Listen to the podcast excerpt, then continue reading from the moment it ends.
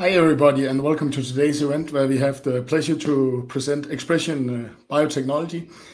To help us through this uh, presentation, we are joined by CEO Bent Frandsen and CFO uh, Keith Alexander. Of course, today's topic, the fresh from the press, the Q3 announcement. If I should go through the main headlines, it looks like less revenue and bigger operating loss, but well communicated that you are really progressing with your breast cancer candidate. Uh, a little bit delay on the COVID-19 phase III data expected readout, but also very strong phase II data uh, could establish uh, the COVID-19. But I'm sure you will go through this in more details than me, but just to have the headlines.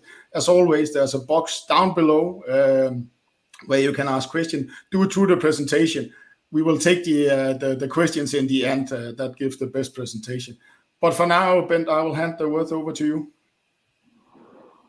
Thank you very much, Michael, and thank you to HC Andersen Capital for hosting this webinar, where I, Bent Frandsen, the CEO of ExpreS2ion and Keith Alexander, our CFO, will go through uh, the company in connection with the Q3 report that we have released today. Before going through an introduction to ExpreS2ion and our business, uh, the usual disclaimer, which I'll let you read in details when we uh, publish this presentation after the webinar.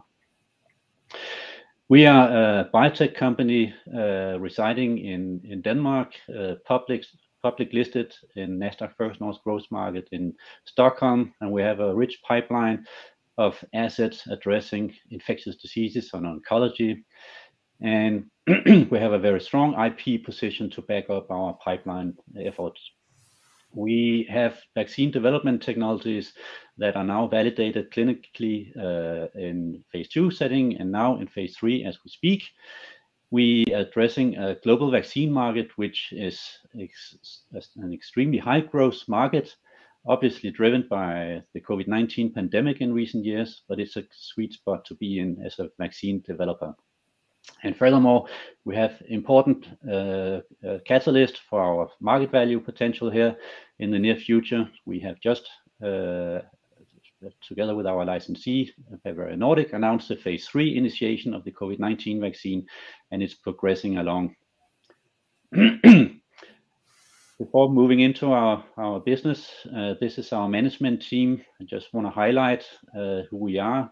We are 30 people working out of our lab and office facilities in Hørsholm, north of Copenhagen, uh, headed by me and Keith, our CFO, and we have Max, Mette, and Matthies in charge of our R&D and technology, preclinical development, and medical affairs. Furthermore, now we have a four-member board since uh, Allan Rusecki, he uh, resigned last month, um, but still headed by Dr. Martin Jensen. Uh, I just want to highlight that we still have more than 200 years of professional skills and experience in the team here, all combined. New, uh, we have a scientific advisory board set up, which is extremely good for our oncology program. This is a board that is uh, set up with six different key opinion leaders. These are highly skilled professional clinicians in the oncology community, in particularly when it comes to breast cancer. So here you see Dr. Giuseppe Curigliano, uh, Daniel Lenihan, Dr. Javier Cortes, Dr. Ulrik Lassen, Dr. Michael Anderson, and Dr. Robert Bach. These are very important people when uh, we are planning our clinical development plan for the ES2B-C001, our HER2 VLP breast cancer vaccine project. So that's super good, and we're very pleased that these very well-known uh, uh, scientists in the community actually endorse our plans going forward. This is the pipeline uh, as we depict it today. We have had great advances here in 2022 and also here in the recent quarter. It's still led by the coronavirus vaccine, the ABNCoV2 vaccine asset, which has been out-licensed to Bavarian Nordic, and which started uh, the phase three trial here in Q3 and is progressing.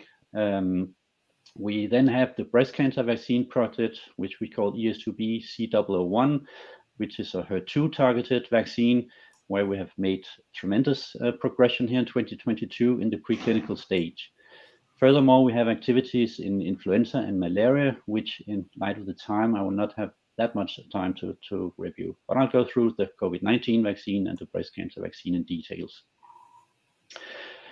On the breast cancer side, we are addressing uh, uh, obviously a very critical cancer type. One in eight women will experience breast cancer in their lifetime, and more than 600,000 women die uh, every year from breast cancer. And about a quarter of these experience overexpression of the HER2 receptor, which is the target for treatments today and also for our vaccine approach. The breast cancer vaccine market is very much dominated by monoclonal which have a market value in uh, around 11 billion US dollars. These target the HER2 receptor Uh, on tumor cells to reduce proliferation and induce tumor uh, destruction. Uh, known brands here are Herceptin and Perjeta, but these products also come with drawbacks. There's the development of resistance, which is known to happen in 20 to 30% of patients. There's a potential for heart-related side effects, and then there's an administration form, which is very expensive and needs frequent visits to the hospital. So what we aim at with our HER2-targeted vaccine approach is to overcome these uh, drawbacks uh, through an internal polyclonal antibody production. We use technologies which uh, the ExpreS2ion platform, which is the foundation of the ExpreS2ion Biotechnologies company. This is based on a proprietary insect cell-based uh, protein production system, whereby we can produce the antigens.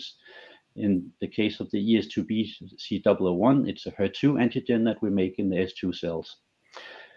Furthermore, we have a virus-like particle technology, which we have in-licensed from AdaptVac, which is a company that ExpreS2ion owns 34% of.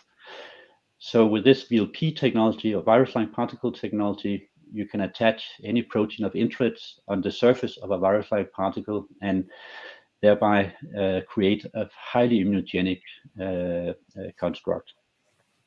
So this is, by the way, also the technology, the completely similar technology platform that we use in the COVID-19 vaccine. This is great news. In this quarter, we have just announced that a scientific article has been published, and this describes the preclinical proof of concept data that we have highlighted during the last year. We've made some very nice data in collaboration with University of Bologna. I have told on previous investor relations calls about these uh, proof of concept data, which we announced in December last year, in January, and again in May here in 2022. And Already now, here in the end of October, there's a scientific paper describing all these data, which is great, actually. So now we can refer to this scientific paper, which has been peer-reviewed, and it describes these excellent proof of concept data. We are progressing on the ES2B-C001 as planned. We want to start the clinical testing in 2024, and before that, we have to scale up manufacturing and conduct the preclinical safety that are necessary to move into main. We have put tick marks here on the most important steps, uh, the GMP manufacturing. We are outsourcing to uh, to manufacturers who make the antigen and the VLP respectively, and the processes have been transferred. And At the moment, we are making the proper good manufacturing uh, batches that are needed for the tox study and and the the study in in main later on. On the preclinical safety, we also uh, outsource uh, the research here. And we had a meeting last year, uh, sorry, this year in January with the Danish medical authorities that advised us to conduct safety in two different species. This we are doing, uh, and we have uh, finalized the first uh, safety study in rodents and are expecting a report here in the very beginning of 2023. Furthermore, the GLP study, which is the tox study that will enable us to file the clinical trial application will be conducted in non-human primates in 2023, and we expect readout from that in the middle of next year. And then the aim, of course, is to file the clinical trial application before the end of 2023, so we can move into the first clinical trial in 2024. On the COVID-19 vaccine side, uh, we are reliant on uh, Bavarian Nordic. They have the exclusive license to bring this very exciting COVID-19 vaccine to the market. It's called ABNCoV2. Bavarian Nordic have sponsored a phase two trial, which they have announced results from. And very recently, actually, uh, exactly one month ago, they announced some further new data coming out of the phase two trial, where they documented that uh, there is a six months uh, protection in the people who have been involved in this phase two trial. This is very, very good because it indicates that there will also be long-term protection of this vaccine as we as as we uh, have hypothesized all along.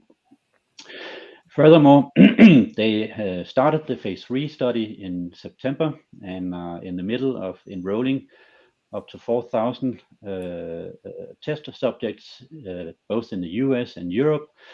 And I know at the moment in in Denmark, actually, where I would i want to enroll myself actually in this study. I can tell you more about that later.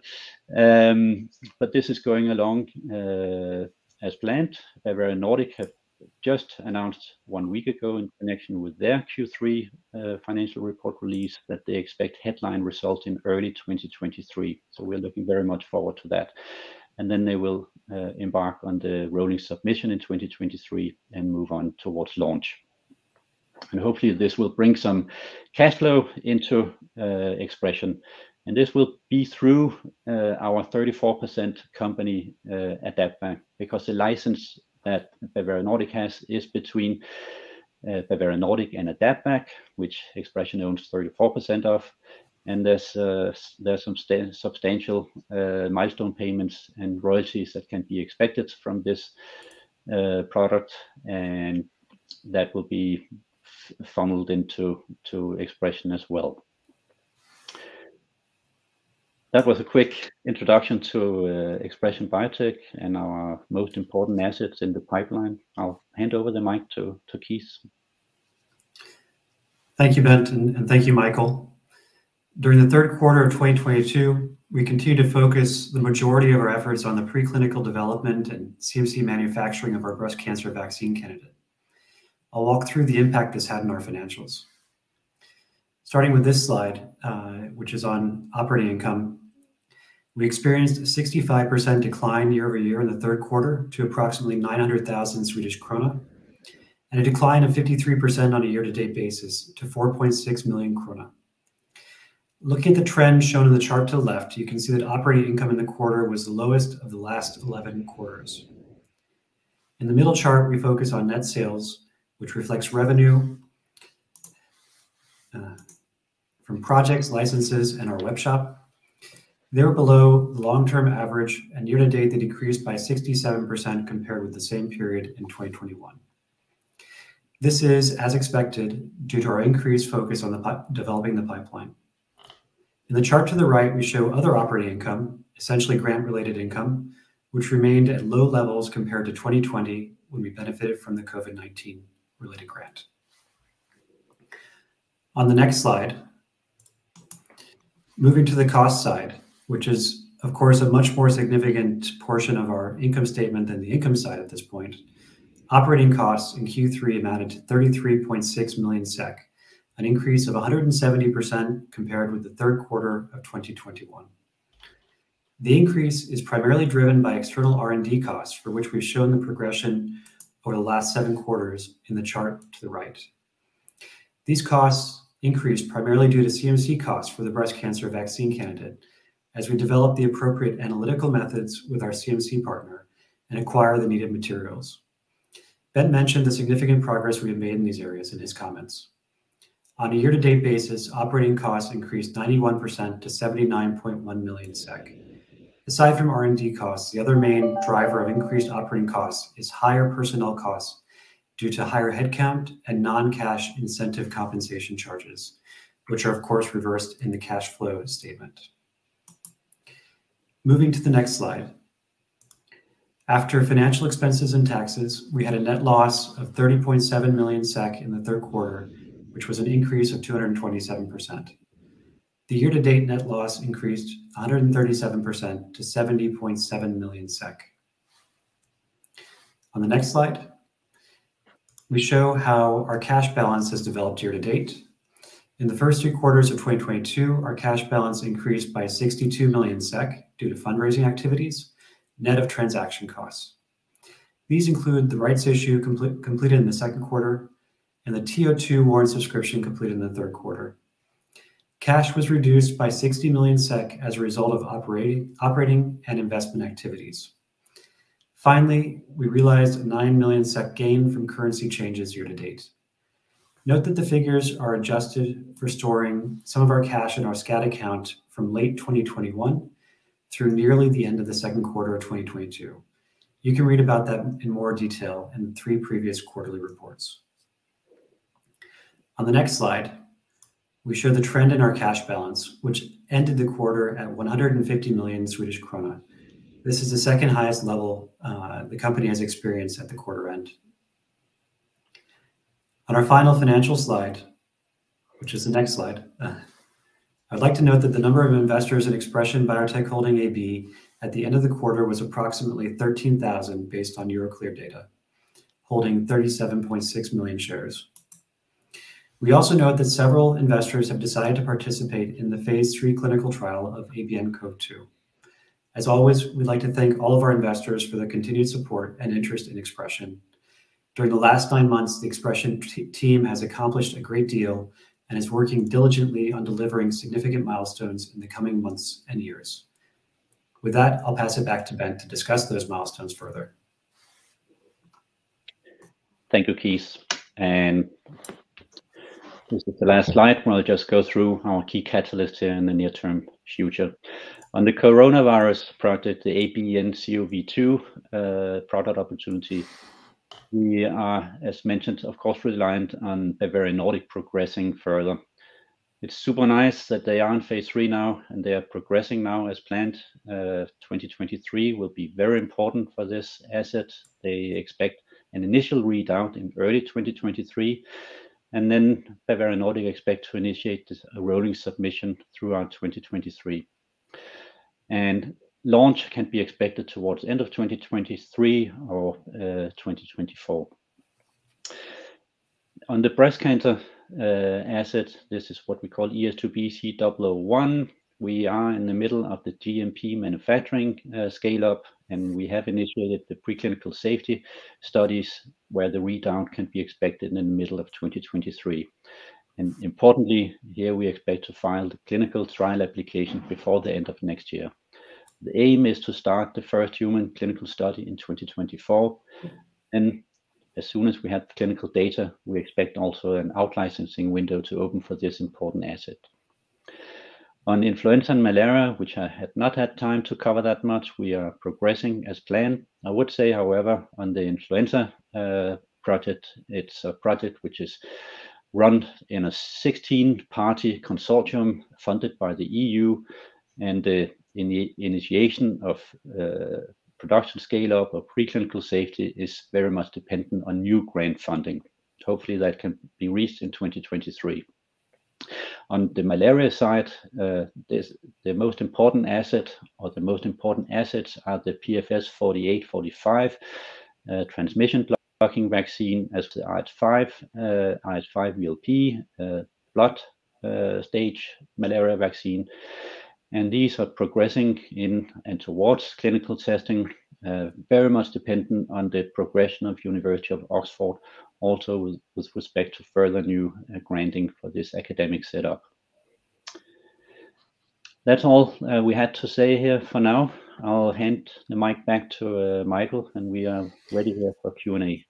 Perfect. You know, I would like to ask, I think we start with Keith. Are there any special uh, costs associated with this uh, quarter's cost level, or is this level going forward? Did you have uh, some ramp-up costs to to to to to the breast cancer, you know, the, this or is this a, current cost level we maybe also should look for uh, going into 23 and the quarters there? Sure, Michael. I understand the question, and, and it's awfully close to asking us to give some guidance into our, our future results, which as a policy don't do. However, what I can say I think will be uh, will, will be helpful. Uh, the costs associated with the preclinical and CMC activities are, are based on a lot of different sub-activities that are happening, and, and some of those are are quite lumpy in terms of the uh, the cost impact. Uh, I, I, think we've also made it very clear that uh, preclinical activities and, and, CMC will continue into the middle of, of next year uh, based on the milestones that we presented. Uh, so that, that's what I can say about that. I hope it helps. Perfect. Then uh, to Bent, are there any possibilities to get the claims from the data in the phase two, two about durability and protection against variants when the market when the when the vaccine should be marketed? Are the phase three design you know designed also to try and make some of those claims that could make your the your uh, your and Bavarian's vaccine stand out? Good question, uh, and of course, as mentioned, I'm reliant on on uh, on Bavarian Nordic in this connection. Um, and and I think we uh, but I, I, cannot say about the claims here what exactly uh, Bavarian Nordic they want. So they have announced a good uh, long-term data on the phase two background, and I'm sure that will continue um, also uh, going down the road.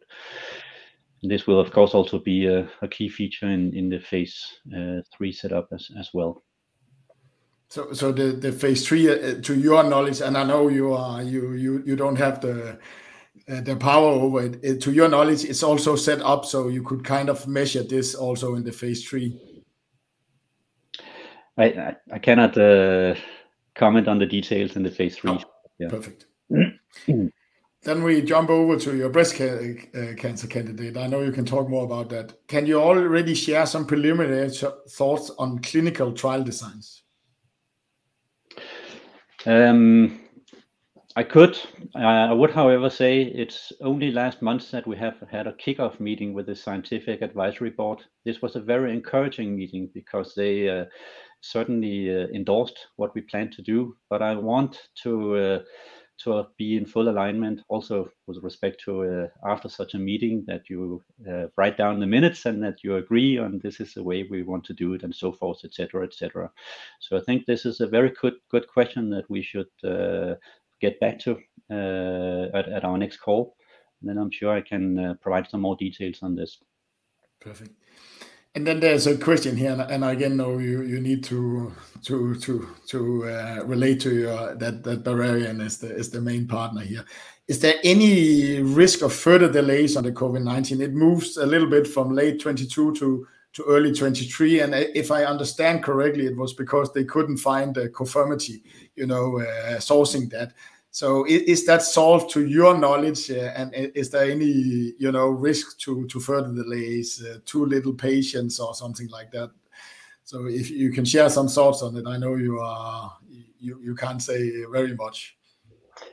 Well, my thoughts when it when I related to our breast cancer vaccine as it is that that uh, you can you can really never be sure on uh, patient recruitment rates and the whole setup in a clinical trial. It's uh, that's why it's it's uh, it's actually quite uh, you have to be quite cautious in announcing mm-hmm. exact dates. So I think uh, who would have known that uh, it, it's in 2023 that the headline results will come from the phase three. Uh, but apparently, getting the first patients in the trial that also takes some time.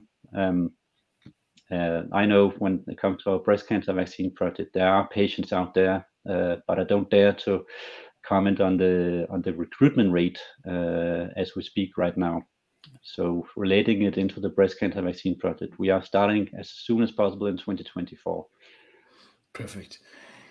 Can you provide some view expectation to the current global COVID-19 situation and expected market uh, competition in, in, in the coming years? I noticed a small study, and I know it's a small study, and it was thrown away that that these RNA vaccines uh, really didn't show any progress even in the newer newer variants. You know, really still very weak, uh, still very still weak against new uh, variants where you are actually showing some strength. So so is that the way you're thinking that that that you could be placed and and the view on the the markets uh, the coming years? Absolutely. I'm very happy for that question because it, it exactly shows that there is a position for ABNCoV2. It uh, has a broad protection, apparently also against variants of concern, potentially a long-term uh, protection as well. Uh, and and and you know it's a very stable uh, product. It can be stored at room temperature, handled at room temperature, which is uh, which is a strong competitive edge uh, as well. Especially as this is still a pandemic all over the globe, also in areas where cold chain logistics uh, are extremely expensive and not that available. So so this is this is good for ABNCoV2 and Bavarian Nordic. And, and speculating on the market, and now I call it speculating because I know no one knows this, but there will still be a market, uh, you know, even if you you hit market in, in 24. That that's still your expectations. Uh, oh, uh, it's certainly uh, COVID-19 is is around, and it will be around for many years to come. Um, so I think at the moment we are maybe describing it a little bit like an influenza. It's not as dangerous as it was a year, two years ago, although it certainly claims life still. And it's it, there will be a market for this for sure, also in the years to come. Perfect. And then there's a question here: When does the clinical for PFS 48-45 transmission, the malaria starts? Yes, that's a really good question, and, and that I wanted to highlight also in my previous description of our milestones here in the near term. Um, I had hoped that University of Oxford could start a phase one trial with this malaria uh, in 2022. At least what I that's what I was told in the beginning of, of the year. Uh, but uh, for various reasons, uh, they they cannot initiate the clinical trial right now. But it is in the plan. You know, if you look at the at the clinical trials register, the, the, the, the study is set up there, but uh, but it hasn't formally started yet. So as soon as University of Oxford they can communicate that to me, I can communicate it onwards to our shareholders. Perfect. Then there's a, a little bit of a casting. Would you consider a capital increase prior to starting clinical work on, on your breast cancer candidate? Or are you hoping to find it uh, in the cash flow, the, the, the funding of the next phase? Keith? Sure. Uh, first, I'll say we don't we don't uh, disclose about capital increases and, and, timing on on that, but a clinical trial is extremely expensive, uh, so we're, we're, we think about things on a constant basis. Perfect. primary endpoint in randomized phase three part is Wuhan virus level. How pre prevalent or how, how much of that do we actually have in the Europe? Or so so can it actually be proven? Uh... Well, it's, it's still a coro coronavirus uh, antigen, and uh, Wuhan the Wuhan strain is the original one. So so I don't think it it it uh, matters. That's what we've seen that we can also protect against variants of concern. The interesting thing is with our S2 mate antigen, we have a design that covers and actually gives a very broad protection, makes the immune system recognize it as a potential uh, agent and raise the antibodies that we want to, irrespective of whether it's Wuhan or another variant of concern. So that's a that's the important message here. Perfect. I think we went through the all the question. Uh, thank you to you, Keith and, and Bent, for taking us through the presentation and answering the question. And thanks to the audience for listening. May everybody have a nice day. Thank you. Thank you.